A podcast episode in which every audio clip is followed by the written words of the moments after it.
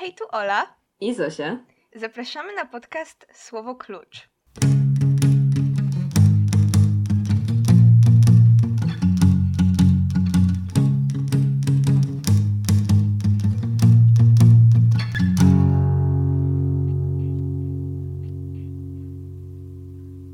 W dzisiejszym odcinku będziemy mówiły o książce pod tytułem Bad Seed. I zaczniemy tradycyjnie od historii życia jej autora, którą opowie nam Zosia. Ja nie wiem nic na temat tego człowieka, zupełnie nic, także nie mogę się doczekać, żeby czegoś się o nim dowiedzieć. Olu, trafiłaś świetnie, bo właśnie miałam wszystkim opowiedzieć historię życia Williama Marsha, autora pięknej książki Bad Seed. Czasem w życiu zdarzają się takie niesamowite zbiegi okoliczności. Wow. Prawda? Dobra, no to zacznijmy. William March, tak właściwie William Edward Campbell, był amerykańskim pisarzem XX wieku, który tworzył w gatunku psychologicznego realizmu. E, urodził się w 1980, a nie, sorry, w 1883 roku w Alabamie. W biednej rodzinie, był najstarszym z ośmiorga rodzeństwa. Jego ojciec pracował, miał jakąś, jakąś pracę dotyczącą drewna. No nie wiem, w każdym razie byli bardzo biedni. E, jego ojciec trochę pił, poza tym należał do naszej wrogiej armii, ponieważ lubił recytować poezję Edgara Allana Poe przy obiedzie. Bu, Jakby, bu. e, Prawda? To, to tak, zgadzam się. To jest takie Dobra śmieszne, reakcja. po prostu wyobraź sobie taką amerykańską rodzinę. Modlą się przed obiadem, potem jedzą jakiś meatloaf czy coś. Facet wstaje i deklamuje Annabelle Lee. Boże, biedny William. To znaczy, jakby ja Ach. lubię wiersze Edgara Allana Poe, tak to bym przetrzymała. Ja nienawidzę opowiadań. Jakby on mi wstał i zaczął mi po prostu Tak. recytować jakiekolwiek opowiadanie Edgara Allana Poe, wszystko jedno, bo są takie same. Nie wiem. No w każdym razie biedny William. E, Nie mógł skończyć liceum na przykład, ponieważ jego rodzina przeprowadziła się do innego miasta w Alabamie, e, ale zrobił to później, także spokojnie. William w ogóle twierdził, że w wieku 12 lat napisał poemat złożony z 10 tysięcy wersów, ale spalił swój manuskrypt. I, I no właśnie nie wiem, bo on ogólnie miał skłonność do opowiadania anegdot, które nie były prawdziwe, albo które no, wszyscy myśleli, że po prostu nie są prawdziwe, także kto wie. W 1913 roku skończył kurs licealny, bo zaoszczędził pieniądze, bo już miał wtedy pracę i mógł wstąpić do Uniwersytetu Alabamy i zaczął studiować prawo. Był takim archetypem biednego studenta, czyli świetnie się uczył, mieszkał sam, ale musiał przerwać studia, bo nie wyrabiał finansowo. Potem w 1916 roku przeprowadził się do Nowego Jorku, już po przerwaniu tych studiów, gdzie dużo chodził do teatru. No a potem w 1917 roku, wszyscy się tego na pewno spodziewali, wstąpił do armii i trafił do Francji. Dostał medal za zasługi, bo tam walczył na froncie i tak dalej. Tutaj również miał skłonność do opowiadania potem historii, które nie były ogólnie uważane za prawdziwe. Między innymi bardzo lubił opowiadać historię o tym, jak wskoczył do krateru po wybuchu bomby, żeby tam się schować w trakcie walki i stanął twarzą w twarz z blondwłosym Niemcem, którego w mgnieniu oka dźgnął magnetem i zabił. I nikt mu nie wierzył za bardzo, ale potem w swojej książce o I wojnie światowej też napisał o tej historii, w sensie jedna z postaci ta, to robi, zabija jakiegoś blond Niemca magnetem, więc musiała mu być szczególnie bliska ta, ten koncept. Potem w 1919 roku, po dwóch latach, March y, wrócił do normalnego życia jako cywil, no ale zmagał się z atakami lęku i z depresją, no nic dziwnego. Pracował w jakiejś firmie zajmującej się statkami, miał dosyć wysokie stanowisko po jakimś czasie, udzielał się też w teatrze i studiował twórczość Freuda i Karla Junga, co wyjaśnia nam obsesję pani Moniki na punkcie Freuda w książce. Potem w 1928 roku przeprowadził się znowu do Nowego Jorku i zaczął pisać opowiadania. No i potem tam za bardzo nic ciekawego się nie działo, bo już tam pisał, pracował. W swoim życiu napisał w sumie sześć powieści i cztery kolekcje opowiadań. W późniejszych latach swojego życia March odkrył sztukę Picassa i rosyjskiego malarza ekspresjonistycznego, o którym nigdy wcześniej nie słyszałam, Haima Sutina. którą bardzo się utożsamiał, z, ich obrazami y, bardzo się utożsamiał. I razem ze swoim nowym przyjacielem Klausem Perelsem, który w ogóle przedstawił mu tych artystów, w sensie no nie osobiście, ale jakby ich sztukę, rozmawiali otwarcie o problemach psychologicznych Marcza i ogólnie zostali przyjaciółmi do końca życia Marcza, co myślałam, że było bardzo miłe. I potem w 1954 roku e, William skończył pisać The Bad Seed, swoją ostatnią powieść, i niedługo potem dostał zawału serca. Doczekał jeszcze publikacji książki i zdążył przeczytać pierwsze bardzo pozytywne recenzje, ale parę tygodni później dostał drugiego zawału i zmarł w Nowym Orleanie w wieku 60 lat. I to tyle, jeśli chodzi o Williama Marcha. Ale wydaje mi się on bardzo ciekawą postacią i w ogóle ten gatunek, w którym on tworzył ten psychologiczny realizm, jest jednym z takich moich absolutnie ulubionych i na pewno przeczytam więcej jego twórczości, także to jeszcze nie koniec, jeśli chodzi o Williama Marsha w moim życiu. A pozostałe jego książki, to znaczy, no już wiemy, że jedna była o I wojnie światowej, ale inne były jakimiś, nie wiem, też reportażami, czy bardziej w stylu Bad Seed, takie psychologiczne historie? Jeśli chodzi o jego książki, powieści, to w sumie nie wiem. Wiem, że y, motyw Alabamy i jakby świat Alabamy był bardzo często obecny w jego opowiadaniach. Oj, to brzmi jak, to brzmi jak coś, co by mi się spodobało. Prawda? Tak, myślę, że powinnyśmy przeczytać coś więcej jego, bo on bardzo się inspirował y, Alabamą, ale czytałam, że jakby no, że, że pisał o Alabamie, o, o tym pięknie natury tam występującym i tak dalej, ale jednocześnie mm, ostro krytykował ten podział klasowy mm. i mhm. rasowy i, i tak dalej, także nie był takim ślepym synem Alabamy, ślepo zakochanym w swojej ojczyźnie czy coś. No ale jest bardzo, y, al, mieszkańcy Alabamy są bardzo dumni z niego, mimo wszystko. Fajnie, fajnie, na pewno się musimy zainteresować i czytać coś, coś dalej. Powieścią, którą przeczytałyśmy na potrzeby odcinka i o której mamy zamiar mówić, jest Bad Seed. Akcja rozpoczyna się 7 czerwca bodajże 1952 roku, jeśli dobrze pamiętam, kiedy Christine Penmark odwozi swoją ośmioletnią córkę Rodę. Tak, nadal nie mogę się pogodzić z tym imieniem. Roda to jest takie dziwne imię. Jakby, czy kojarzysz jakąkolwiek no. inną osobę, która ma na imię Roda? Tak mi się kojarzy Roda Stewart, ale nie mam pojęcia, czy to nie jest jakiś wymysł mojego Jest Rod, Rod Stewart. A, to może to. może to. To nie, to chyba nie znam. No cóż, no poznałyśmy już Rodę. I tak, Christine zabiera swoją córkę na piknik, który ma uczcić zakończenie roku szkolnego. Szkoła, do której chodzi Roda, jest prowadzona przez trzy siostry, a jej misja to nieuleganie nowoczesnym prądom w nauczaniu i wierność tradycyjnym metodom. Przyjmowane są do niej tylko dzieci pochodzące z dobrych rodzin, także Christine musiała pochwalić się swoim sławnym ojcem, żeby w ogóle rozpatrzono kandydaturę jej dziecka. Mm, dowiadujemy się przy okazji, że rodzina Penmarków dopiero co przeprowadziła się do miasta, w którym rozgrywa się akcja i z tej przyczyny praktycznie nikt ich tam nie zna pierwszym rozdziale dowiadujemy się co nieco o rodzie. E, okazuje się, że jest dziecko bardzo poważne, szalenie schludne, a także raczej samodzielne. I jej mama jest dumna y, z tych cech. Zastanawia się, po kim to ma. Uważa, że kiedy ona była w wieku rody, nie była taka szczególna. Ludzie, wszyscy, którzy poznali rodę, najczęściej określali ją jako staroświecką. I jedną z takich osób jest Monika, czyli tryskająca energią sąsiadka Penmarków. Jest ona przyjaciółką Christine i często zachodzi do jej mieszkania w odwiedziny. Jest zauroczona rodą i na początku książki stwierdza coś takiego, że ze swoimi pięknymi warkoczykami i sukieneczkami wydaje jej się jakby wyjęta z epoki jej babci i nazywa ją małą damą. Bardzo lubi wręczać jej prezenty. Między innymi dała jej okulary przeciwsłoneczne albo wisiorek z y, jakimś tam kamieniem szlachetnym, nie pamiętam jakim, w każdym razie przypisanym do jej znaku zodiaku.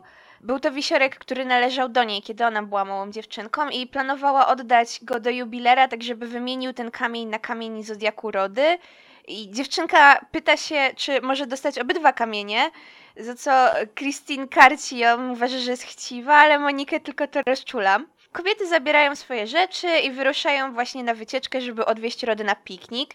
W międzyczasie, to jest ważne, dowiadujemy się, że na pikniku ma być wręczony medal dla ucznia, który zrobił największe postępy w kaligrafii.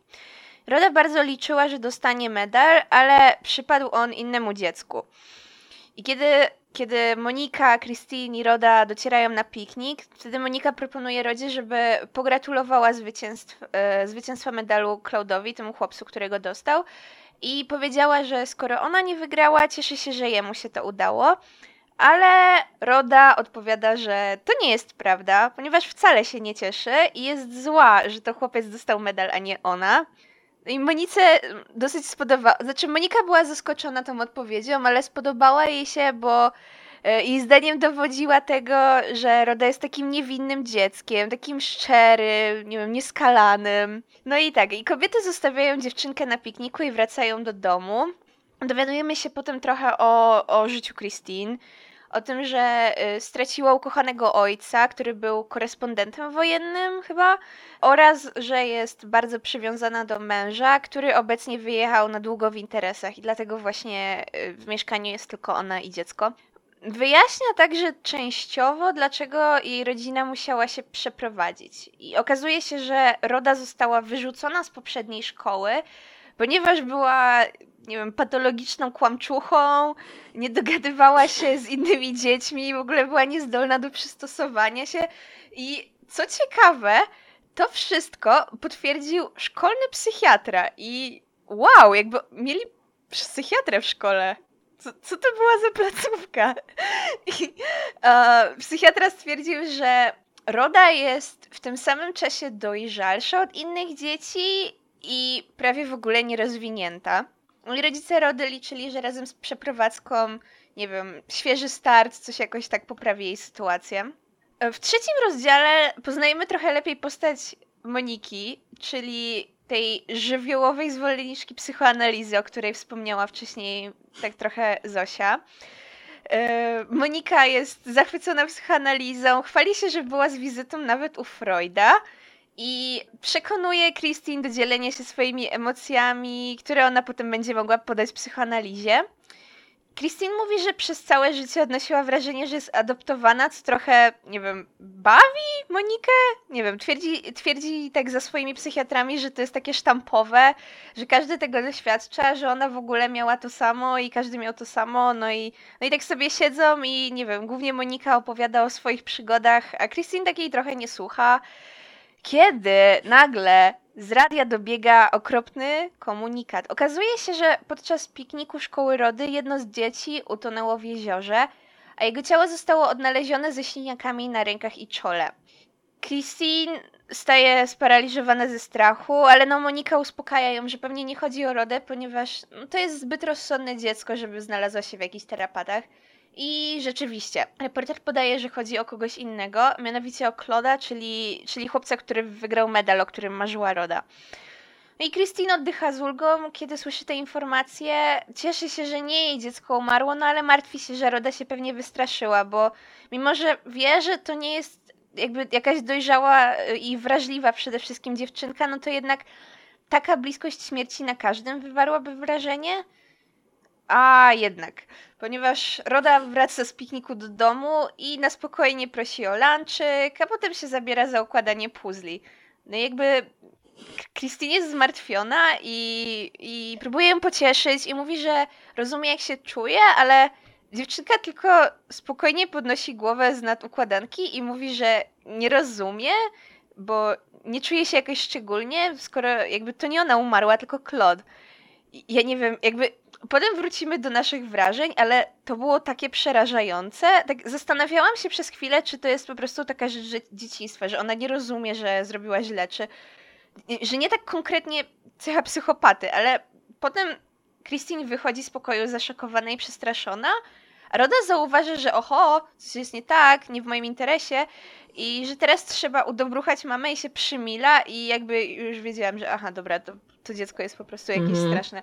Um, tak. No i jakby trochę zaczęłam myśleć, że dobra, to nie będzie kolejna książka z serii, to takie ciężkie po prostu dzieciństwo i to tak skrzywia ludzi, że stają się seryjnymi mordercami, tylko nie wiem, natura, przypadek, no potem będziemy oceniać pewnie. I mhm. e, tego samego dnia Christine poszła odwiedzić rodziców zmarłego chłopca, żeby okazać wyrazy współczucia, sprawdzić, czy nie potrzebują jakiejś pomocy.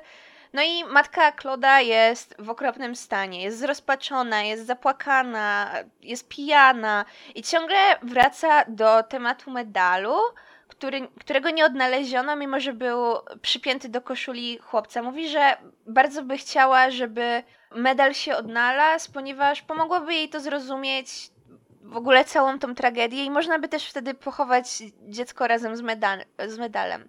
Czwarty rozdział zaczyna się od tego, że Roda grzecznie uczy się na szkółkę niedzielną. Dowiadujemy się, że zawsze się pilnie przygotowuje, ponieważ za aktywność można dostać nagrodę.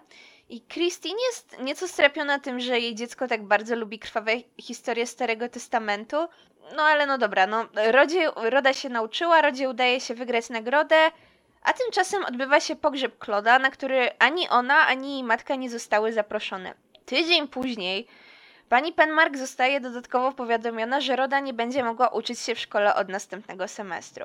Przełożone szkoły nie chcą wyjaśnić, dlaczego podjęły taką decyzję, ale w końcu przyciśnięte wyjawiają, że Roda skłamała, mówiąc, że nie wie nic na temat śmierci Kloda, a ich szkoła jest kolejną placówką oświatową, w której nie ma miejsca dla kłamców. Okazuje się, że są świadkowie na to, że Roda w trakcie pikniku uparcie prześladowała chłopca, usiłowała mu odebrać medal oraz była ostatnią osobą, która z nim rozmawiała.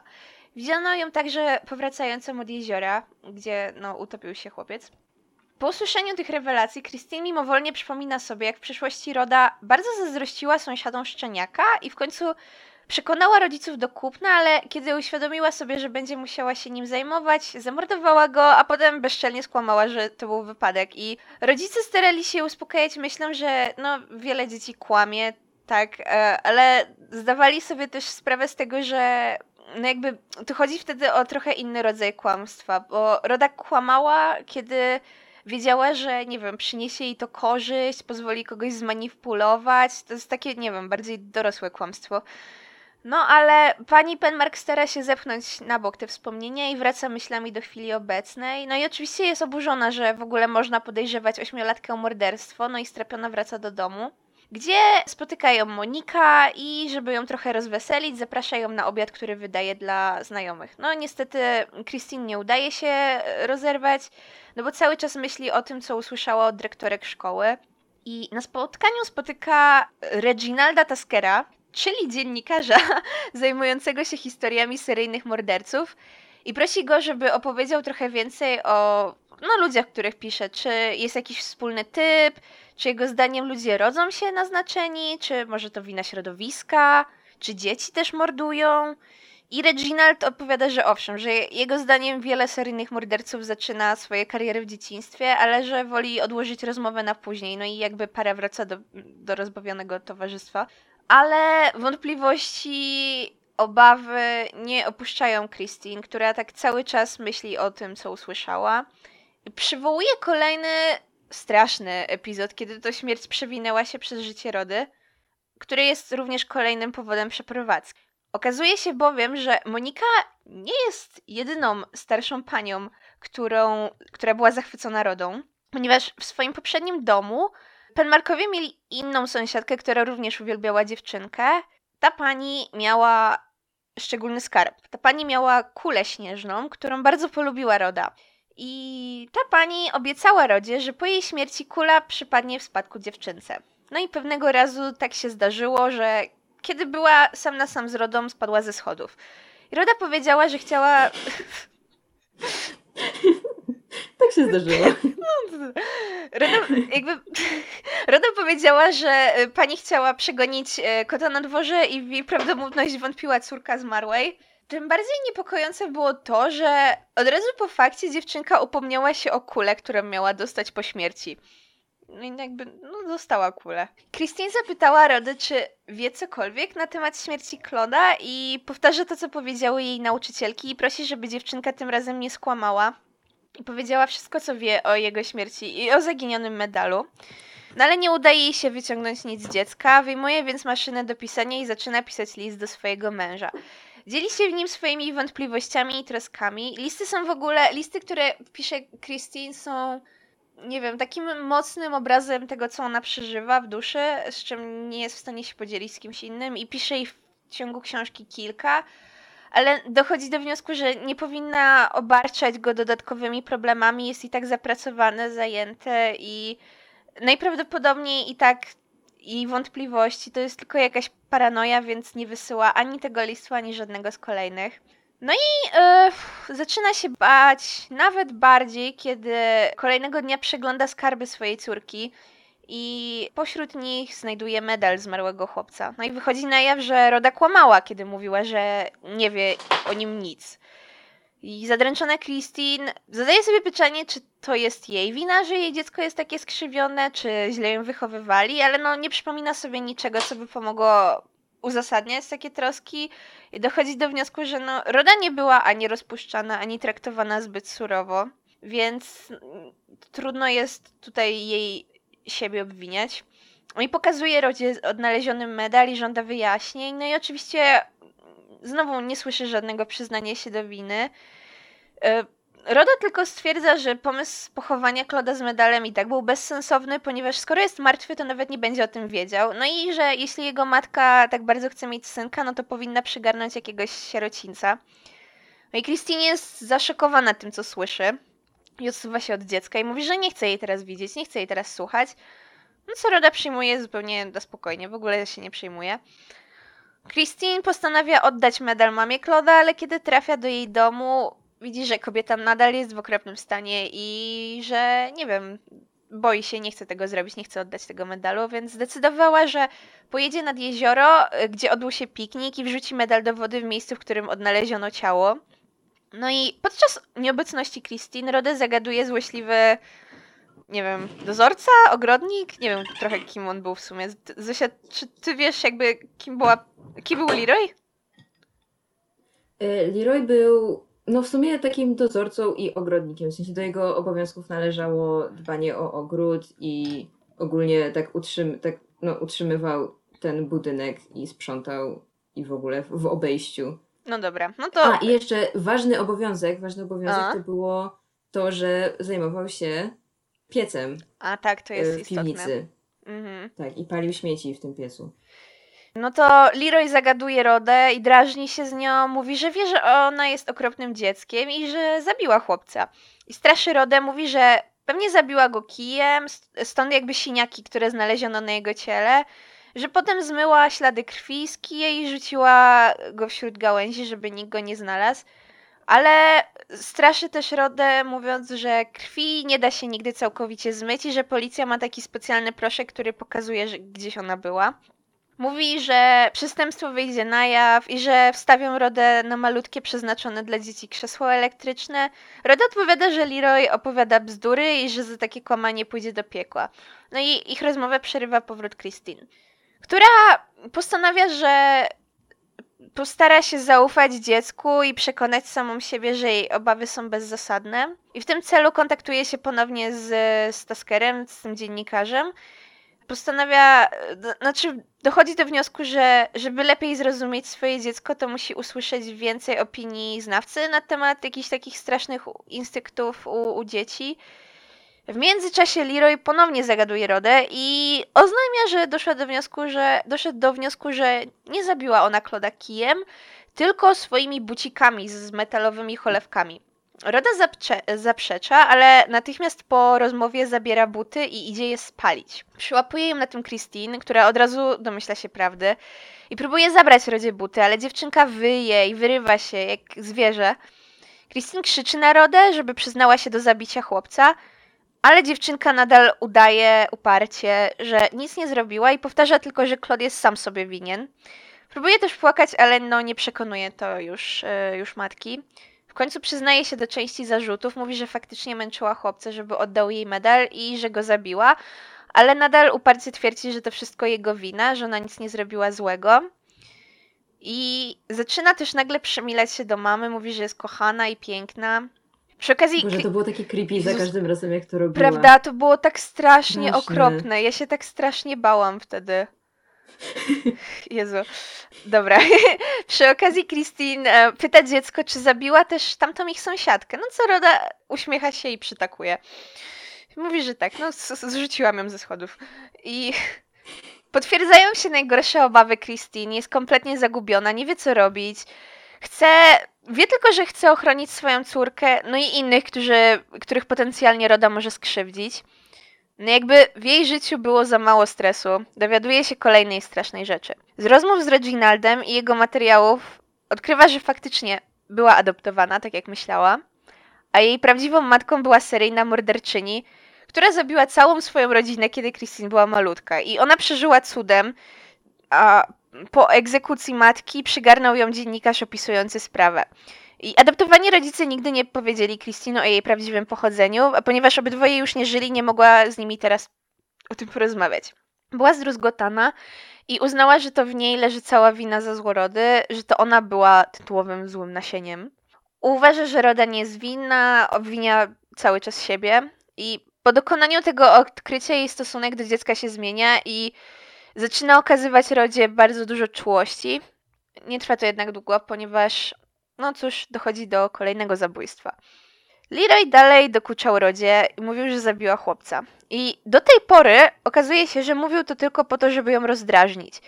Jednak kiedy pokazuje dziewczynce, że ma buty, których nie udało jej się spalić, ona krzyczy, żeby je oddał i zaczyna za nim chodzić, zaczyna go męczyć, to dociera do niego, że ona naprawdę zabiła i że naprawdę jest niebezpieczna i zaczyna się jej bać. I postanawia, że już nigdy nie będzie z nią rozmawiał. Niestety Roda postanawia to samo i kiedy mężczyzna zasnął w piwnicy, tam gdzie był też piec, Roda podłożyła ogień i zablokowała drzwi. I Leroyowi udało się co prawda uciec, ale było już za późno. Wybiegł w płomieniach i zmarł w przeciągu kilku sekund na oczach mieszkańców osiedla, między innymi Christine, którą no, dobiło to do końca. I zdecydowała się w końcu Ja na... mogę tylko coś wtrącić? Tak, Bo, bo y, ta scena, w której Roda prosi go o oddanie jej tych butów, jest po prostu jedną z moich ulubionych w całej książce, bo jest tak bardzo przerażająca, jest tak Mhm. bardzo creepy, bo ona nie krzyczy na niego. Znaczy, może na początku, nie pamiętam, ale, ale ona, on jakby tam cały czas jej dokucza, że na, referę, a ona po prostu zaczyna za nim chodzić i mówi Mhm. spokojnie, oddaj mi te buty, tak. Leroy. No. Leroy, oddaj mi buty, oddaj mi buty. I tak cały czas. I, wi- i jest bardzo pięknie opisana zmiana w nim, kiedy on patrzy w jej oczy i ma takie, o fuck, trochę za daleko Mhm. się, za daleko zaszedłem. I widać to przerażenie w jego oczach, ale jest już za późno, no bo, no cóż, wyrok śmierci sam na siebie wydał. Także, o matko. No to w prawda, ogóle to super napisana jest ta książka. To było straszne. To jakby, bo do tej pory e, nie znamy jej ofiar, tylko słyszymy o nich, jak ona zabiła. A tutaj przy tym Leroyu, tak jakby jesteśmy świadkami tego, jak, jak to dochodzi do niego, jak on jest, przede Tak. wszystkim tego, że on jest świadomy, że on tak niedługo umrze. Także on jest świadomy tego niebezpieczeństwa i naprawdę jest, czujemy to jego Tak. wnętrze i to, co się w nim teraz dzieje, to było, Boże, niesamowite. Tak, i czujemy też tę nienawiść w oczach Rody, tę taką zimną, spokojną nienawiść i takie postanowienie, że no dobra, no dobra, gościu, no przesadziłeś i teraz będę musiała cię zabić, sorry, twoja wina. No i Leroy martwy. No i Christine dobita do końca i zdecydowała się w końcu na krok, który wydawał się jej już nieunikniony. Spaliła listy, które pisała do męża, listy, w których wyjaśniała po kolei swoje obawy i wypadki, i listy, których nigdy nie wysłała, a które wyjaśniłyby, czemu zdecydowała się zrobić to, co zrobiła. Że zdecydowała się otruć dziecko i zastrzelić siebie. Odgłos wystrzału zaalarmował sąsiadów, którzy natychmiast przybiegli i Christine nie udało się już uratować. Roda natomiast trafiła do szpitala, gdzie wróciła do zdrowia i pozostała pod opieką niczego nie podejrzewającego, rozczarowanego jedynie żoną ojca. Tak, Boże, w ogóle ta scena, jakby cały ten plan Christine był moim zdaniem genialny, y, bo ona, co ona zrobiła? Ona pojechała z Rodą do lekarza, poprosiła tego lekarza, żeby wypisał Rodzie witaminy y, i potem te witaminy jakby, tak, zamieniła tabletki nasenne, które też od jakiegoś czasu gromadziła z tymi witaminami, bo wiedziała, że Roda jest, tam jest takie zdanie, że Roda jest wyczulona na niebezpieczeństwo jak zwierzę. To jest Mhm. kolejny raz, kiedy Roda jest porównana do zwierzęcia. I potem Roda rzeczywiście, jakby kiedy Christine mówi jej, tam czyta jej na dobranoc i tak dalej, mówi jej, o czas, żebyś wzięła swoje witaminy, to Roda ma takie, hmm, aż tyle, w sensie aż tyle tych tabletek, do tej pory brałam mniej. I mówi, let's see the bottle, mother. Co było takie creepy dla mnie, sensie Mhm. takie, hmm, daj, ja, ja myślę, że ty chcesz mnie otruć, daj mi tę Prawda. butelkę. To było straszne. No i, ale potem Christine, ponieważ Christine była przezorna i no, zamieniła butelki i tak dalej, no to y, Roda połyka te tabletki i Roda czyta, y, i Christine czyta jej, dopóki Roda nie zasypia. A potem żegna się z nią i idzie się zastrzelić. Nie, to było, to była straszna scena. No to ogólne wrażenie, co w ogóle Ja. sądziłaś? Hmm. Ja mam trochę jakby zerową wiedzę na temat psychopatów. Zosia wie pewnie więcej ode mnie. Ale wydawało mi się, że postać Rody jest, i jest bardzo wiarygodna. Jej, nie wiem, kłamstwa, manipulacja jak u dorosłego człowieka to było, to było przerażające, ale też tak się pokrywało z wszystkim, co ja słyszę o takich dzieciach mordercach. Na przykład to, że tak jak ja do tej pory mam takie wyobrażenie i jakieś przypadki, o których mogę pomyśleć, to one też się często zaczynały od torturowania zwierząt. Więc kiedy w książce dowiedziałam się, że Roda zabiła tego psiaka, to miałam takie, o, okej. No, tak, to, y, to, to, co mi się bardzo podobało w tej książce, to jest właśnie to, ta wiarygodność i to takie um, accuracy, z którym Marge stworzył całą postać Rody. Do tego stopnia była wiarygodna ta postać i zgodna z rzeczywistością, że właśnie dowiedziałam się o tej książce, o The Bad Seed, czytając książkę popularno-naukową o psychopatach, jakiegoś naukowca, który od dekad zajmuje się Mhm. badaniami nad psychopatami i on ki- kilkukrotnie e, w ciągu tej swojej książki użył cytatów z The Bad Seed, żeby zilustrować swoje jakieś argumenty. Także William był on point, jeśli o to chodzi. Bardzo też przekonywała mnie postać Christine. Ona, nie wiem, nie było takiego momentu, kiedy bym myślała, że zachowuje się jakoś nieadekwatnie do sytuacji. Bardzo mm, opisy tego, jak ona domyślała się, ale nie chciała przyjąć do wiadomości tej strasznej prawdy, więc starała się siebie oszukać, że nie no, halo, przecież to niemożliwe, no co to, nie, no to się nie zdarzyło, to po prostu, nie wiem, magicznie się znalazł tutaj ten medal. Roda tak, tak jakoś magicznie była ostatnią osobą, która z nim rozmawia. No, tak robią ludzie, to było, nie wiem, super przekonujące. Tak, w ogóle co myślałaś o postaciach, bo ja strasznie sensie odniosłam wrażenie, że każda postać była tak jasno zarysowana i inna, w sensie bo to były barwne postacie, bo mm, były bardzo takie charakterystyczne, właśnie nie Mhm. były podobne do siebie. Bardzo się różniły, ale y, nie wiem, nie sprawiało to dla mnie wrażenia, że one są celowo tak jakoś napisane zupełnie inaczej, żeby były po prostu odmienne postacie, tylko nie były przerysowane. Były bardzo wiarygodne. Każda postać była dla mnie ciekawa i była bogata i była, nie wiem, dogłębnie przedstawiona. Tak jakby byłam w stanie dosyć szybko zrozumieć, kim ona jest i nie wiem. mm, A co ty myślałaś? No właśnie, to mnie, ja po prostu uwielbiam, kiedy to się dzieje w książkach, że każda postać, nawet jakaś trzecioplanowa, typu żona Leroya, która Mhm. pojawia się w dwóch albo trzech Prawda. scenach, ma bardzo wyraźnie zarysowany portret psychologiczny i jesteśmy w stanie określić jej charakter i jakiś jej, no nawet dzięki temu to, w jaki sposób zachowują się te postacie, jest takie wiarygodne, bo rozumiemy je i wiemy, co się dzieje u nich w głowach, wiemy, jak pracują ich umysły. Y, Te wszystkie monologi Leroya, które on tam jak mówił, że o, ale bym chętnie zgwałcił Christine, bo jest taka ładna, ale jednocześnie jest głupia, a wszyscy są głupi, ja jestem najmądrzejszy i tak dalej.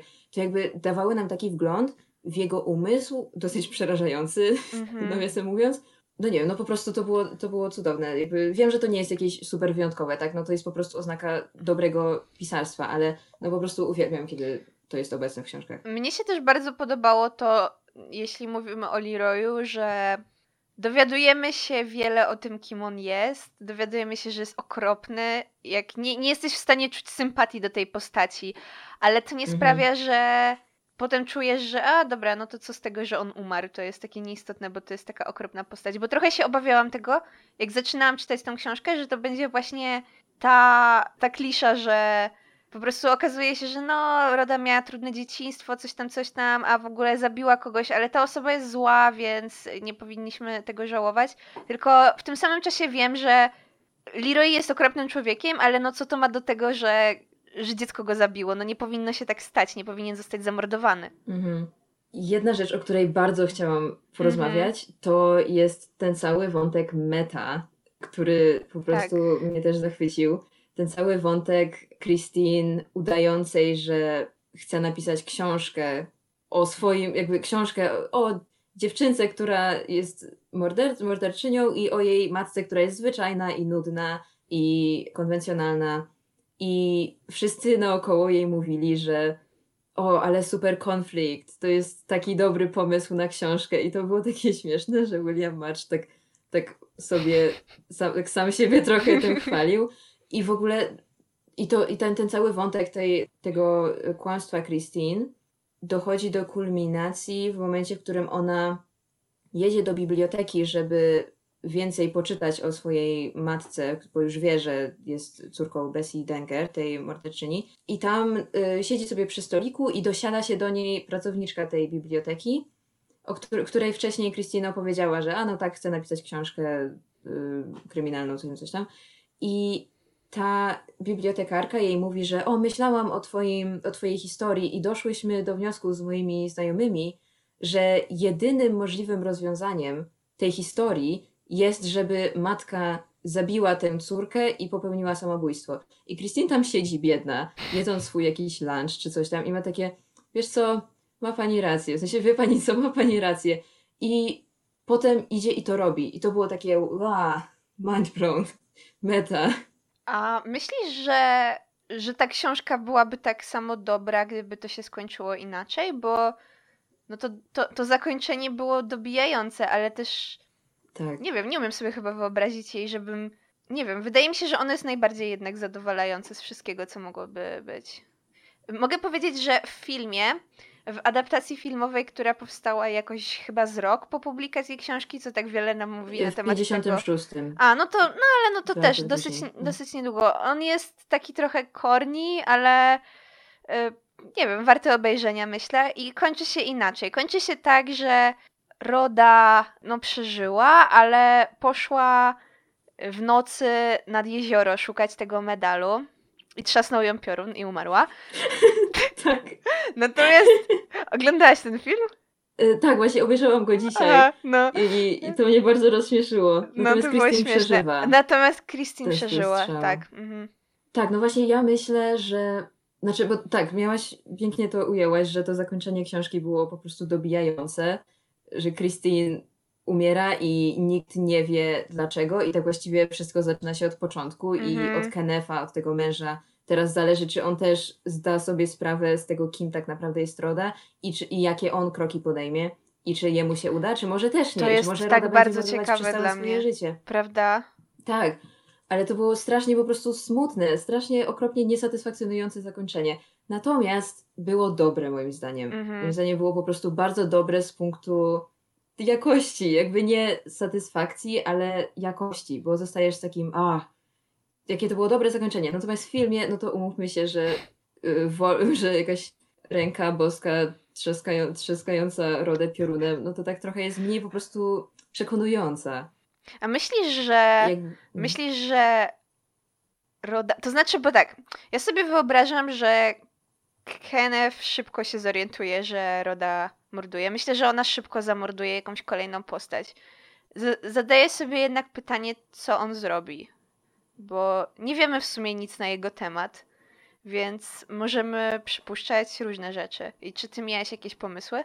Wiesz co, w sumie się nad tym nie zastanawiałam. Jakby miałam nadzieję, że on też spróbuje ją zabić, w sensie to, to brzmi okropnie, ale to jest, ale taka to jest trochę sytuacja bez wyjścia, tak? No bo Mhm. albo zabijesz dziecko, swoje w dodatku, to jest jego córka, którą kocha. Christine też ją bardzo kochała, też jakby wiele ją kosztowało podjęcie tej decyzji. ale z drugiej strony, no ona i tak skończy źle, no bo albo będzie mordować i w końcu ją złapią i powieszą, albo posadzą na krześle elektrycznym, albo jej nie złapią, ale po prostu wyrządzi krzywdę niezliczonej ilości innych osób. To jest po prostu okropna sytuacja, Mhm. ale ja myślę, że Kenneth, ja właśnie sądziłam inaczej. Ja myślałam, że Kenneth nie zorientuje się szybko, kim tak naprawdę jest Roda. Ja myślałam, że jemu nawet dłużej niż Christine y, zajmie no, odkrycie tego albo właśnie przyjęcie tego do wiadomości i bardziej się spodziewałam, że on będzie in denial jakby dużo dłużej, zwłaszcza, że Mhm. on pewnie spędza mniej czasu z tym dzieckiem. W sensie, no i on miał swoją pracę i tak dalej, to pewnie by wynajął jakąś nianię czy coś i, i tylko przychodziłby wieczorem takie, o moja kochana słodka córunia i, i, i tyle. To, co jeszcze było y, różnicą, bo w ogóle film, ja się trochę z tobą nie zgodzę. Moim zdaniem ten film nie jest.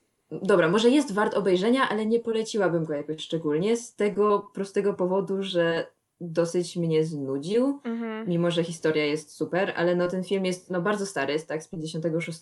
Tak, wtedy się Trwa inaczej robiło filmy. Tam on, on jest taki bardziej jak e, przedstawienie teatralne niż film, który. Tak, no i to też wyjaśnia, to znaczy no to wiadomo, no bo był na podstawie sztuki, na A, podstawie książki. okej, dobra, dobra, ma sens. Tak, e, bo sztuka powstała chyba jeszcze w tym samym roku, albo właśnie rok później i potem ten film. E, I no nie wiem, bo jest mnóstwo starych filmów, które nie są nudne, które może gdyby ten film trwał półtorej godziny, to byłby trochę lepszy moim zdaniem, a tak był trochę taki rozwleczony, ale to też był ciekawy i ciekawe było obejrzenie go dla postaci Rody, bo widząc tę taką małą dziewczynkę z blond warkoczykami i w sukieneczce, wrzeszczącą, że, że nie, nie zabiła klona, czy coś w tym stylu, no to to było jeszcze bardziej przerażające dla mnie niż w książce. Natomiast to, co chciałam powiedzieć, to że jedna, tam dużo zmienili w ogóle w tym filmie. Wprowadzili postać ojca Christine, który Mhm. w książce był martwy itp. itd.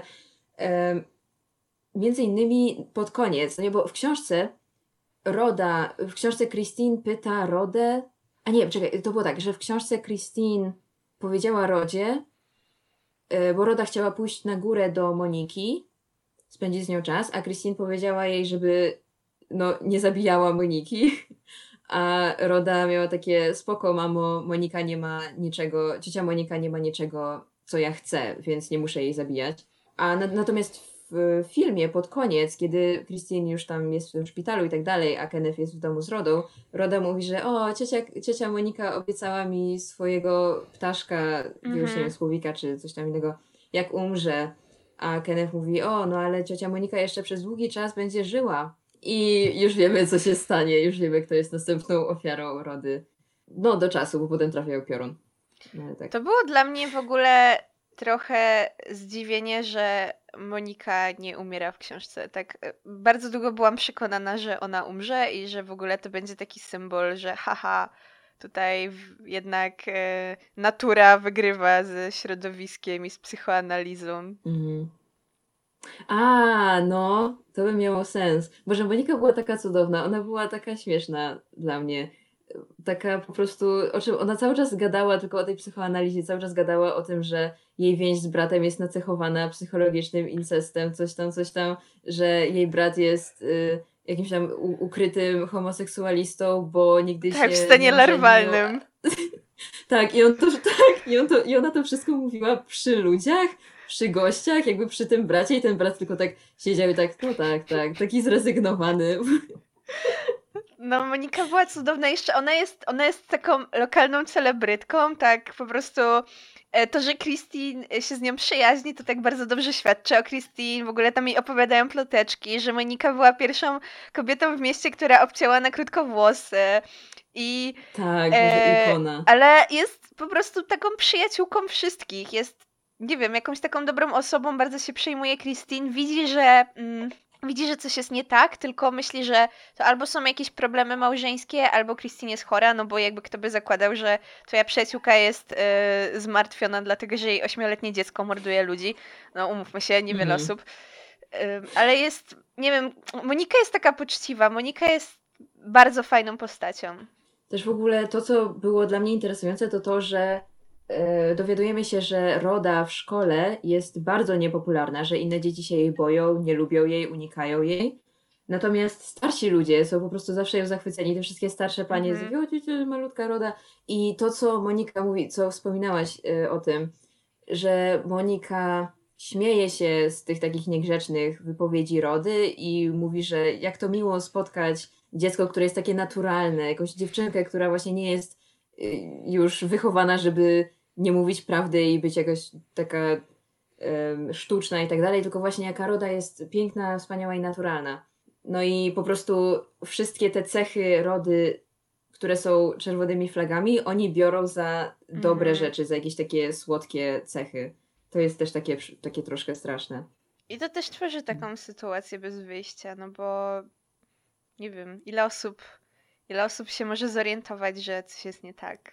Tak, ta Bessie Denker, y, babcia Rody, jest takim, mm, jak to się nazywa? No, jest właśnie takim jakby ostrzeżeniem dla Mhm. czytelników, w tym sensie, że znamy jej historię, wiemy ile osób zdążyła zamordować, bo nikt jej nigdy nie podejrzewał, bo była młodą, ładną dziewczyną z pięknym uśmiechem i no, zamordowała kilkadziesiąt osób, zanim w końcu ktoś, jakaś starsza pani chyba wtedy ją zaczęła podejrzewać, Tak, ona zabiła tę jej- starszą jej panią, ciocia, ale no. potem już ją złapali. Tak, tak. Ja w ogóle nie wiem, znaczy bardzo często się bałam, kiedy czytałam tą książkę, ale historia Bessie Denker była tak straszna, jeszcze nie wiem, Mhm, po prostu tak mroziła krew w żyłach, jak tak. właśnie te kolejne, kolejne morderstwa, których w ogóle nikt nie podejrzewał, no to, że kurczę zamordowała swoją rodzinę na początku, kiedy, znaczy, no dobra, cały czas prawie morduje swoją rodzinę, ale rodzinę, w którą się wrzenia, nie wiem, jakichś krewnych męża,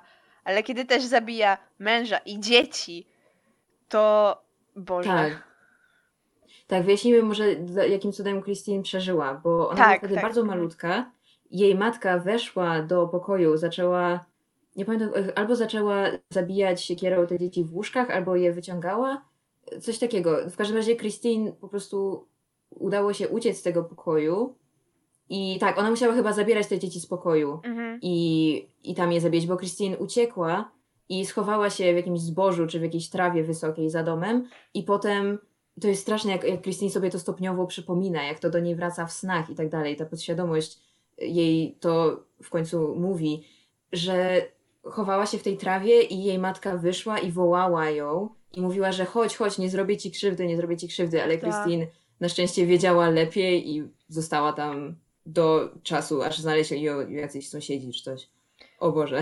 Kiedy, kiedy właśnie mamy tą pierwszą psychoanalizę lęków Christine prowadzoną przez Monikę nad jakąś, nie wiem, szklaneczką sherry czy coś. I Christine mówi coś takiego, Tak, że ona y, y, jakby nie pamięta o co chodziło, ale zawsze jak była mała miała takie momenty, że się bała tak nie wie czego, że nachodziły ją jakieś takie nagle lęki straszne, a potem się dowiadujemy, że te lęki to po prostu jakieś takie wyparte wspomnienia, kiedy siedzisz ukryta po prostu w jakichś krzakach, a twoja mama woła cię i mówi hej, chodź tutaj, ni- nic ci nie zrobię krzywdy, chcesz jakby idzie z siekierą, żeby cię zamordować. To jest takie straszne. tak, jeszcze to, to było takie interesujące. Boże, jaki March był świetnym pisarzem. To jest taka świetna książka, bo ten taki mały szczegół z początku historii, kiedy Christine mówi, że rozmawia z tym Reginaldem przy ich pierwszym spotkaniu, mówi, że o, to ja nie lubię czytać o morderstwach, o, to takie straszne, nie lubię o tym czytać. A potem jakby no, a, to ona jest naznaczona morderstwem od urodzenia i, i to morderstwo ciągnie się za nią i ona w końcu potem, kiedy zaczyna czytać o tej Bessie Denker, to i o tych dzieciach, które mordowały i tak dalej, żeby lepiej zrozumieć swoją córkę, to po prostu zaczyna i nie może przestać. I ona strasznie źle się czuje czytając te Mhm. historie, ale nie może się powstrzymać i cały czas do nich wraca. To jest bardzo interesujące. To też w ogóle ja jak e, to czytałam, to miałam w którymś momencie taki moment, że czemu to jest takie interesujące? Przecież to są jakieś straszne historie i tak dalej. I potem jakby jest ten moment, kiedy Christine uświadamia sobie, że nie może przestać, nie może się oderwać, że to ją przeraża, że ona nienawidzi historii o jakichś takich strasznych rzeczach, bo nawet sama myśl o, nie wiem, krwi czy coś takiego ją tak odpycha, a jednak czyta, czyta, no aż dowiaduje się takiego koszmarnego faktu. Aż doczyta. aż doczyta. No. Jeszcze innym takim jakby... Zwi- w ogóle nie wiem, a propos zwiastunów, Ta książka jest pełna zwiastunów. Strasznie mi się podobało, że każdy rozdział kończył się czymś takim, co tak zapowiada że będzie dalej jakaś tragedia, że nie wiem, że Christine cieszyła się pięknym dniem i bardzo dobrze, bo to były ostatnie jej szczęśliwe chwile, czy coś takiego. Mm-hmm. I to takie filmowe zakończenie każdego rozdziału, ale to, co chciałam powiedzieć, to, że kiedy y, Christine i Monika zostawiają Rodę na pikniku, potem wracając do domu, słyszy rozmowę jakichś dwóch mężczyzn. Jeden z nich mówi, że przeczytał, że żyją w wieku lęku, i że strasznie mu się to takie mądre wydało i że po prostu podzieli się żoną z tą myślą. A potem drugi mu odpowiada, że jego zdaniem każdy wiek to wiek lęku i że ich wiek to raczej wiek przemocy. No i jakby Christine jakoś tak strasznie zapamiętała tą myśl i potem okazuje się, że wow, tak, jest dużo, bardzo dużo przemocy w jej życiu nieuświadomionej od tak. startu.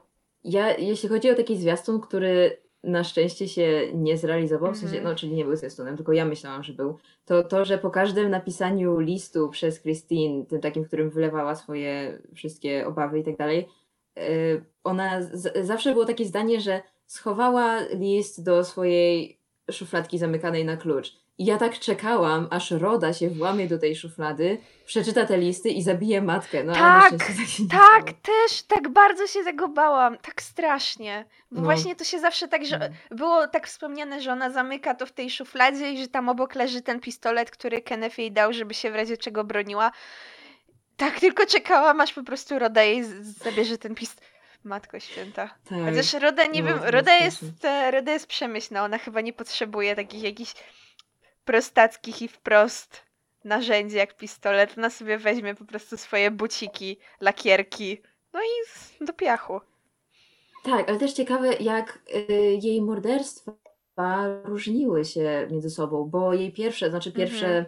które, pierwsze morderstwo, które y, następuje w książce, no bo jeszcze była ta, ta starsza pani, ale to morderstwo tego chłopca, ona jest, jest y, rzeczywiście takie nacechowane przemocą. Ona bije go po czole i po rękach swoim butem. Ona traci panowanie nad sobą. Ona tak bardzo chce ten medal i uważa, że to jej należał się ten medal, że ten medal jest jej. I tak bardzo jest, no, traci panowanie nad sobą i bije go. Natomiast później, kiedy zabija Leroya, to nie ma nic w tym stylu. Po prostu bardzo zmyślnie idzie mhm. kupić sobie lody, siedzi, je sobie lody, zapala zapałkę, Christine obserwuje to w ogóle z okna, jak jej dziecko po prostu spokojnie zapala zapałkę, wchodzi do piwnicy, wychodzi, zamyka drzwi i dalej idzie jeść lody i potem zaczynają się wrzaski Leroya. Tutaj już nie ma, nie ma tej przemocy, bo ona zabija tym razem, w tej książce, w tej książce o psychopatach, którą czytałam, y, ten gościu właśnie mówił, że psychopaci nigdy nie zabijają emocji, nigdy nie zabijają z zawiści, y, z wściekłości, z miłości, z pasji, nic w tym stylu, tylko zabijają albo, żeby zdobyć jakąś korzyść dla siebie, no, materialną głównie, albo kiedy są w niebezpieczeństwie, żeby mm, pozbyć się zagrożenia. Tak, bardzo no to, roda. Tak. Mimo, że traci panowanie nad sobą w tym, no ale mimo wszystko zabija dla medalu. Myślę, że ona po prostu tak bardzo chce ten medal, że, że no, robi pierwsze, co jej przychodzi do głowy, natomiast później planuje z zimną krwią to morderstwo Leroya, kiedy czuje się zagrożona. Też um, moją uwagę zwróciło to, że właśnie za każdym razem w inny sposób zabija, ale chodziło mi o to, że nie tą samą bronią czy czymś takim. Tak jakoś nie wiem, y, to, to, że nie miała jakiejś jednej metody, tylko no to nie jest istotne jak, byle żeby po prostu osiągnąć cel. I potem dowiadujemy się, że Bessie robiła no to też w ten sposób, że nie wiem, kogoś tam zabiła siekierą, kogoś tam otruła i tak dalej, że za każdym razem jakby chodzi o to samo, żeby ta osoba umarła, żeby dostać spadek, czy tam odszkodowanie, czy jakieś inne ubezpieczenie, ale inaczej, inaczej jest e, przeprowadzony ten mord. Tak, to jest inne od y, takiego typu seryjnego mordercy, o którym się też często słyszy, że mają swój własny właśnie styl, i, i są rozpoznawalni i tak dalej, to tutaj to jest inaczej pokazane. Jeszcze co chciałam powiedzieć o tym filmie i o tym nieszczęsnym zakończeniu, które zmienili. Co sądzisz? Jakby ciekawa jestem, czy się ze mną zgodzisz, bo moim zdaniem ważną konsekwencją tego, tej zmiany było to, że Kenneth nie ma sensu jako postać. Myślę, że on się zachowuje bardzo dziwnie, moim zdaniem, bo Christine właśnie próbowała zabić ich córkę, Potem ledwo przeżywa, dzwoni do niego z łóżka szpitalnego, dzwoni do niego, że Kenneth, chciałam cię usłyszeć. I on jej mówi, i tam, o, popełniłam straszny grzech, a on jej mówi, spokojnie, wszyst y, ze wszystkim sobie razem poradzimy. Jakby, mhm. czy myślisz, że to jest wiarygodne? Bo ja uważam, że nie. Ja uważam, że nie jeśli... jest. To znaczy, nie, no jakby ja czaję, że no ona się boi pewnie, no to jest pewnie, nie wiem, coś tam jej odwaliło, potem ją stawimy do jakiegoś psychiatryka i tak dalej, ale no to nie jest jakaś twoja pierwsza myśl chyba, że twoja żona zabiła dziecko mm. i chciała zabić siebie, a ty ją uspokajasz. No to znaczy chyba mało jest ludzi tak opanowanych i tak rozsądnych, tylko no nie wiem, większość by się chyba jednak rozczarowała i zezłościła i dlatego w książce to jest dużo bardziej przekonujące, że nie wie zupełnie tak. nic, nie wie co się stało. Prawdopodobnie, tak jak mówiłaś, nie wie za dużo na temat swojego dziecka w ogóle.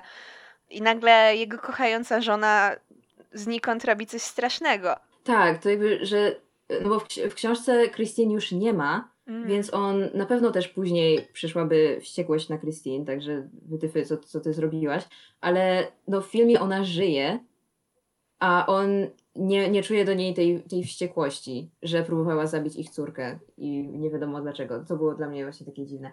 Natomiast kurczę, chciałabym chyba zmienić swoją opinię o tym, co mówiłam, że, że Kennethowi dużo dłużej by zajęło przyjęcie do wiadomości, że z Rodą jest coś nie tak, bo Christine wspomina w książce kilka razy, że oni, że oni byli dobrym małżeństwem. Się zastanawiali, tak. Tak, tak, że razem rozmawiali i że, że moim zdaniem właśnie oboje uczestniczyli w wychowaniu Rody i, i martwiło ich na przykład, że jest dziwnie dojrzała ponad swój wiek i tak dalej. Także kto wie. Jeszcze na początku pamiętam, myślałam tak, że może, nie wiem, jakoś to, że on jest nieobecny, będzie powiązane z tym, że ona się źle zachowuje, że może się okaże, że on faktycznie zaniedbuje tę rodzinę i tak dalej. E, ale po pierwsze, chyba tak nie jest, a po drugie dowiadujemy się, że, mm, że Leroy miał jakiegoś takiego udanego ojca, a sam jest po prostu jakimś, nie wiem, łotrem i pijakiem i tak dalej. Tak, tak, to Leroy jest taką ciekawą, znaczy okropną bardzo, tak, fantazjuje cały czas o gwałceniu wszystkich, ale e, jest ciekawą postacią, bo on postrzega siebie jako skrzywdzonego przez wszystkich że y, świat po prostu jest przeciwko niemu i dlatego nic mu w życiu nie wyszło. A potem od jego żony dowiadujemy się, że jego ojciec wcale nie był jakimś biednym pijakiem czy coś, tylko normalnie zarabiał i tak dalej i że po prostu Leroy, Leroyowi nigdy się nic nie chciało, był leniwy, niechętny, ze wszystkimi się kłócił, no i dlatego skończył jako dozorca i nic nie osiągnął w życiu. Także to jest też taki jakby a gdybyśmy nie mieli tego punktu widzenia żony, to moglibyśmy uwierzyć, że mhm. Leroy jest po prostu ofiarą. Ta żona też jest moim zdaniem ciekawą postacią, bo ona nie jest przedstawiona jako jakaś taka ofiara Leroya, że w ogóle się zastanawiałam, Jezu, po co ona z nim jest i tak dalej, tylko no widzi jego błędy, ale też są jakąś tam zgraną parą i potrafią sobie siedzieć i nie wiem, pić piwko i śmiać się z dzieci i tak dalej. To jest, to jest tak. bardziej przekonujące. To znaczy, no ludzie są okropni, ale są w stanie być w jakichś relacjach z innymi i cieszę się, że tutaj widzimy, że to jakoś działa. Kolejną bardzo ciekawą postacią i moim zdaniem bardzo dobrze napisaną przez y, Marcza jest y, matka Kloda, tego chłopca, który ginie ona przeżywa żałobę, w moim zdaniem, znaczy no nie mam osobiście doświadczenia wielkiego z żałobą, ale wydawało mi się bardzo taki wiarygodny ten sposób, przekonujący, w jaki ona przeżywa śmierć swojego jedynego dziecka. Ona po prostu e, zaczyna pić i tak dalej. Kilka razy, nie, raz odwiedza ją Christine, czy tam dwa razy chyba, tak? Dwa razy, dwa razy. tak. Mhm. Tak, a raz ona przychodzi do domu Christine, do, do mieszkania, nie, niezaproszona. Y, i za każdym razem jest trochę pijana i za każdym razem bardzo się zmienia, w sensie jest taka niezrównoważona, że w jednej minucie y, oskarża Christine, mówi, że ty wiesz coś o śmierci mojego chłopca, czego mi nie mówisz, ty coś wiesz, jakby, o, ty masz piękne ubrania jesteś ładna i bogata, a ja nigdy tego nie miałam. I jest po prostu wściekła i obraża Christine, a w następnej sekundzie przytulają i, i płacze i mówi, że chodź do mnie, to zrobię ci paznokcie za darmo i, i to i jakby nie ma żadnej konsekwencji i jej mąż tylko jakby no, chodzi za nią i cały czas powtarza, że to też było takie przejmująco smutne dla mnie, że on po prostu tylko siedział albo stał koło niej i powtarzał, że Hortensja jest pod opieką lekarzy Hortensja jest w złym stanie, jest pod opieką lekarzy i tak dalej, i tak dalej, i tak dalej. To było tak strasznie smutne. Prawda? Jak ten March musiał, nie wiem, znać się na charakterach, nie wiem, być świadkiem różnych tragedii, no bo Tak. to było moim zdaniem, nie wiem, każda z tych postaci jest dobra, każda z tych powiedzmy trzech kobiet głównych, czyli Hortensja, Christine i Monika, była dla mnie bardzo przekonująca i rozpacz Hortensji, tak jak mówiłaś, to jak ona się gubi w tych emocjach i w tym samym, nie wiem, w tej samej scenie potrafi obwiniać Christine, ale też płakać, ale też, yy, nie wiem, zaprzyjaźniać się z nią i tak dalej, no bo po prostu Tak. jest, stoi w obliczu tragedii, nagle w jej życiu zachodzi jakaś okropna zmiana, nie rozumie jej i moim zdaniem to jest strasznie dobrze przedstawiona postać. Bardzo realistycznie i no dobra, nie mam jakoś tak właśnie, tak jak mówiłaś, zbyt dużo jakichś doświadczeń, ale wydaje mi się, że to, że to jest takie wielowymiarowe i poznajemy różne strony jej cierpienia i tego zagubienia, straszliwie wiarygodne. Boże, jak on dobrze pisał. Prawda? Ja, dlatego ja się tak nie mogę doczekać, żeby przeczytać Mhm. więcej tych jego opowiadań i no tej, tej powieści o wojnie to nie bardzo, w sensie nie, nie lubię książek o wojnie, ale te krótkie opowiadania z Alabamą to na pewno, na bank będę czytała. To jeszcze chciałam powiedzieć, że bardzo podobało mi się to, że y, książka nie była całkowicie linearna, to znaczy nie wszystkie wydarzenia są chronologicznie, czasem dowiadujemy się dopiero później jakichś wydarzeń z przeszłości, są takie retrospekcje i na przykład nie dowiadujemy się od razu, dlaczego ta rodzina się przeprowadziła do tego miasta. Nie dowiadujemy się od razu, że Roda ma jakąś po prostu kartotekę, tylko y, razem z rozwojem wypadków dowiadujemy się, że w przeszłości już było coś nie tak, że były jakieś ostrzeżenia, że było coś już jakby na rzeczy. Świetne to było. I takie niespodziewane były te rzeczy. Ja nie wiem, to znaczy, no, no dobra, to, że dziecko jest psychopatą, no to umówmy się, no to się spodziewasz, wiadomo. Ale nie wiem, dużo było rzeczy, które były dla mnie zaskoczeniem. To, że y, ta, nie wiem, Christine ma matkę zabójczynię, to, że Leroy umrze. Tak, ja akurat Leroya to właśnie tak myślałam, że kurczę, Leroy tak strasznie lubi dokuczać tej rodzie. Ona pewnie go, ona pewnie czuje się zagrożona i go zabije.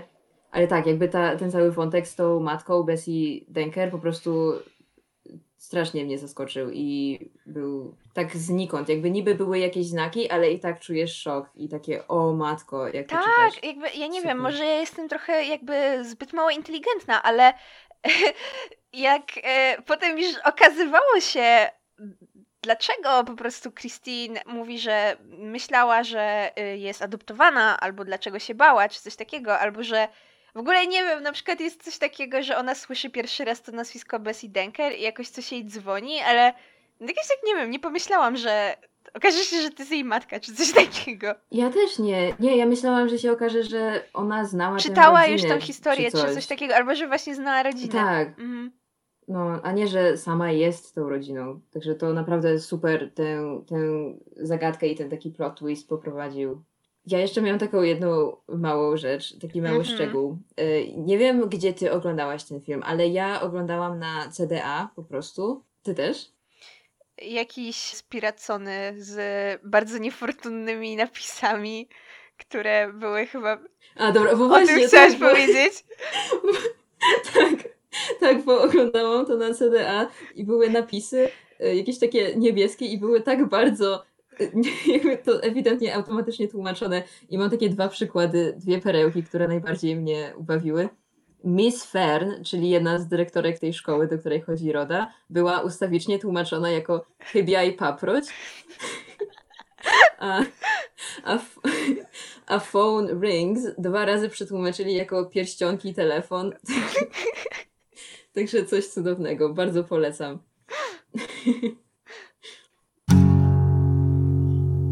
Olu, jakie dla ciebie było w tym odcinku słowo klucz? Niepokój. I chodzi nie tylko o niepokój, który towarzyszy czytelnikowi, ale także o tę ciągłą niepewność Christine, kim ona jest, czy jej dziecko zrobiło coś złego, czy jest gotowa jej uwierzyć, czy będzie w stanie żyć z tą okropną świadomością. Więc dla mnie przede wszystkim niepokój. Tak, kiedy myślę o tej książce, mam w głowie hasło niepokój. A jakie jest twoje słowo Super. klucz? Moim słowem kluczem będzie wiarygodność, Mhm. bo tym mnie najbardziej zachwycił March. Jakby wiarygodność portretów psychologicznych postaci, wiarygodność Rody. Jakby jestem taka y, pełna podziwu, że on w latach 50. Mhm. jakby badania w tej książce o psychopatach, ten gościu mówi, że badania nad psychopatami są takie jakby mało rozwinięte wciąż i tak mało jakby wiemy, właśnie mało wiemy o tym. Znaczy on właśnie mówi, że używa też tej książki jako przykładu na to, że to natura jest bardziej winna jego zdaniem niż środowisko, jeśli chodzi o rozwój psychopaty yy, i tak dalej. Natomiast właśnie tak, ta, to jest, po prostu blows my mind, że ten gościu w latach 50. stworzył portret psychologiczny psychopaty, który w tak dużym stopniu zgadza się z obecnymi analizami y, takich, takich przypadków, takich osób. Y, jedyne, czego brakowało, to to, że y, Roda kłamie bardzo konsekwentnie i nie zaprzecza sama sobie. To, była jedyna, tak, to był taki jedyny szczegół, bo w tej książce ten gościu opisuje, że psychopaci bardzo dużo kłamią, ale nie są dobrymi kłamcami, bo cały czas jakby nie, nawet nie zauważając, wymawiają jakby zdania, które zaprzeczają same sobie i w ogóle Mhm. tego nie zdają sobie z tego sprawy i dlatego jeśli się skupi na ich słowach, to można dostrzec, że, że coś jest nie tak, jeśli się nie skupi na ich wyjątkowej charyzmie i tak dalej. Natomiast tak, no po prostu to było dla mnie cudowne, wiarygodność wszystkiego, co się stało, jakby byłam on board z każdą decyzją, z każdym zachowaniem, z, y, z każdą decyzją podjętą przez postacie i wszystko miało sens w tej książce, Mhm. także tak, Może ta książka jest taka dobra. no, polecamy serdecznie. No dobra. To dziękujemy za wysłuchanie kolejnego odcinka naszego podcastu. I jeśli Wam się podobało, powiedzcie o nas y, swojej rodzinie, swojemu dentyście, swojemu psu, każdemu, kto tylko się napatoszy. No i dzięki i do usłyszenia.